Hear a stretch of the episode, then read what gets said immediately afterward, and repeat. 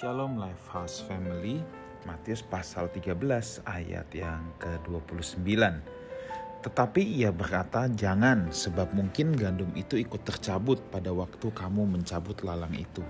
Ayat 30, biarkanlah keduanya tumbuh bersama sampai waktu menuai.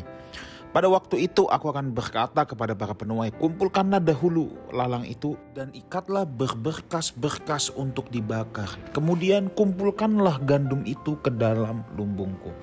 Saudaraku ini pasti uh, perumpamaan tentang lalang dan gandum yang kita semua telah ketahui di mana ada sebuah ladang lalu lalang dan gandum tumbuh berbarengan.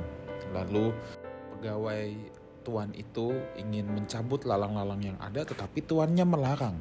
Ya, tuannya melarang dan berkata biarkanlah mereka tumbuh bersama sampai nanti waktunya menuai baru dipisahkan.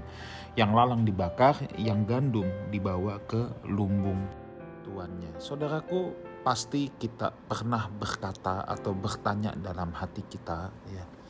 Tuhan, kenapa orang jahat engkau biarkan berkeliaran? Kata Tuhan, ada orang yang sudah jahat sekali, kok kelihatannya hidupnya enak baik-baik saja.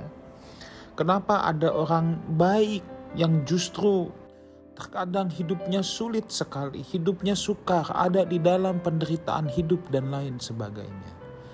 Saudaraku, ada banyak kisah dalam Alkitab untuk menjawab pertanyaan yang satu ini. Tetapi salah satunya adalah kisah perumpamaan lalang di antara gandum ya. Sebenarnya dari begitu banyak kisah dalam Alkitab, jawabannya intinya sama semua, yaitu ada waktunya, saudara. Ada waktunya. Orang-orang jahat yang kelihatannya sekarang enak-enakan, ada saat waktunya mereka akan dihukum oleh Tuhan. Satu kali Daud juga pernah protes sama Tuhan. Tuhan itu orang fasik, tapi kok enak-enak Lalu dalam pemazmur dikatakan lihat hari kesudahannya, lihat hari kesudahannya. Nah ini sama saudara ya. Kalau bahasa kitab Matius, tunggu waktunya menuai. Nah jadi Tuhan itu membiarkan dulu saudara. Tuhan itu membiarkan dulu. Justru yang paling bahaya adalah menurut saya pembiaran Tuhan. Kenapa? Sebab pada akhirnya nanti bisa tiba-tiba menghadapi penghukuman itu sebabnya kitab Ibrani juga berkata, berbahagialah yang kuhajar dan kutegur. Nah jadi kalau kita menerima hajaran dan teguran Tuhan, justru itu hal yang baik. Tapi kalau kita hidup dalam dosa, lalu seakan-akan semua aman, semuanya pembiaran justru itu yang paling berbahaya. Sebab nanti begitu kita ketemu langsung kita akan bertemu dengan pengadilan Tuhan. Nah saudaraku yang kekasih dalam Tuhan, Jangan iri, jangan bandingkan hidup kita dengan orang yang berbuat fasik. Sebab memang kita tidak perlu membanding-bandingkan hidup kita. Benchmark kita bukan orang lain, benchmark kita adalah Yesus Kristus sendiri.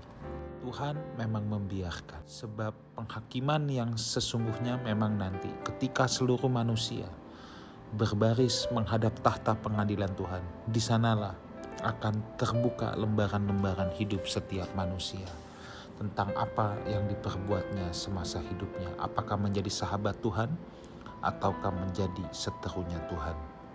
Tentunya kita tidak mau menjadi lalang yang dikumpulkan seberkas-seberkas lalu dibakar. Tentunya kita semua ingin menjadi gandum di mana dikumpulkan di ladangnya Tuhan, di tamannya Tuhan dan hidup dalam kemuliaan Bapa di sorga. Saya berdoa Levos Community, yuk kita fokus pada berbenah hidup kita, bukan fokus pada melihat Tuhan. Kenapa orang fasik nggak dihukum? Udah, kita nggak perlu urusin orang fasik. Itu juga bukan hak kita untuk menghukum atau menghakimi mereka. Tugas kita adalah mendoakan orang-orang yang belum mengenal Tuhan dan menjadi saksi bagi mereka agar mereka ikut percaya kepada Tuhan Yesus Kristus. Kiranya kita semua menjadi berkat di mana pun kita berada. Amin.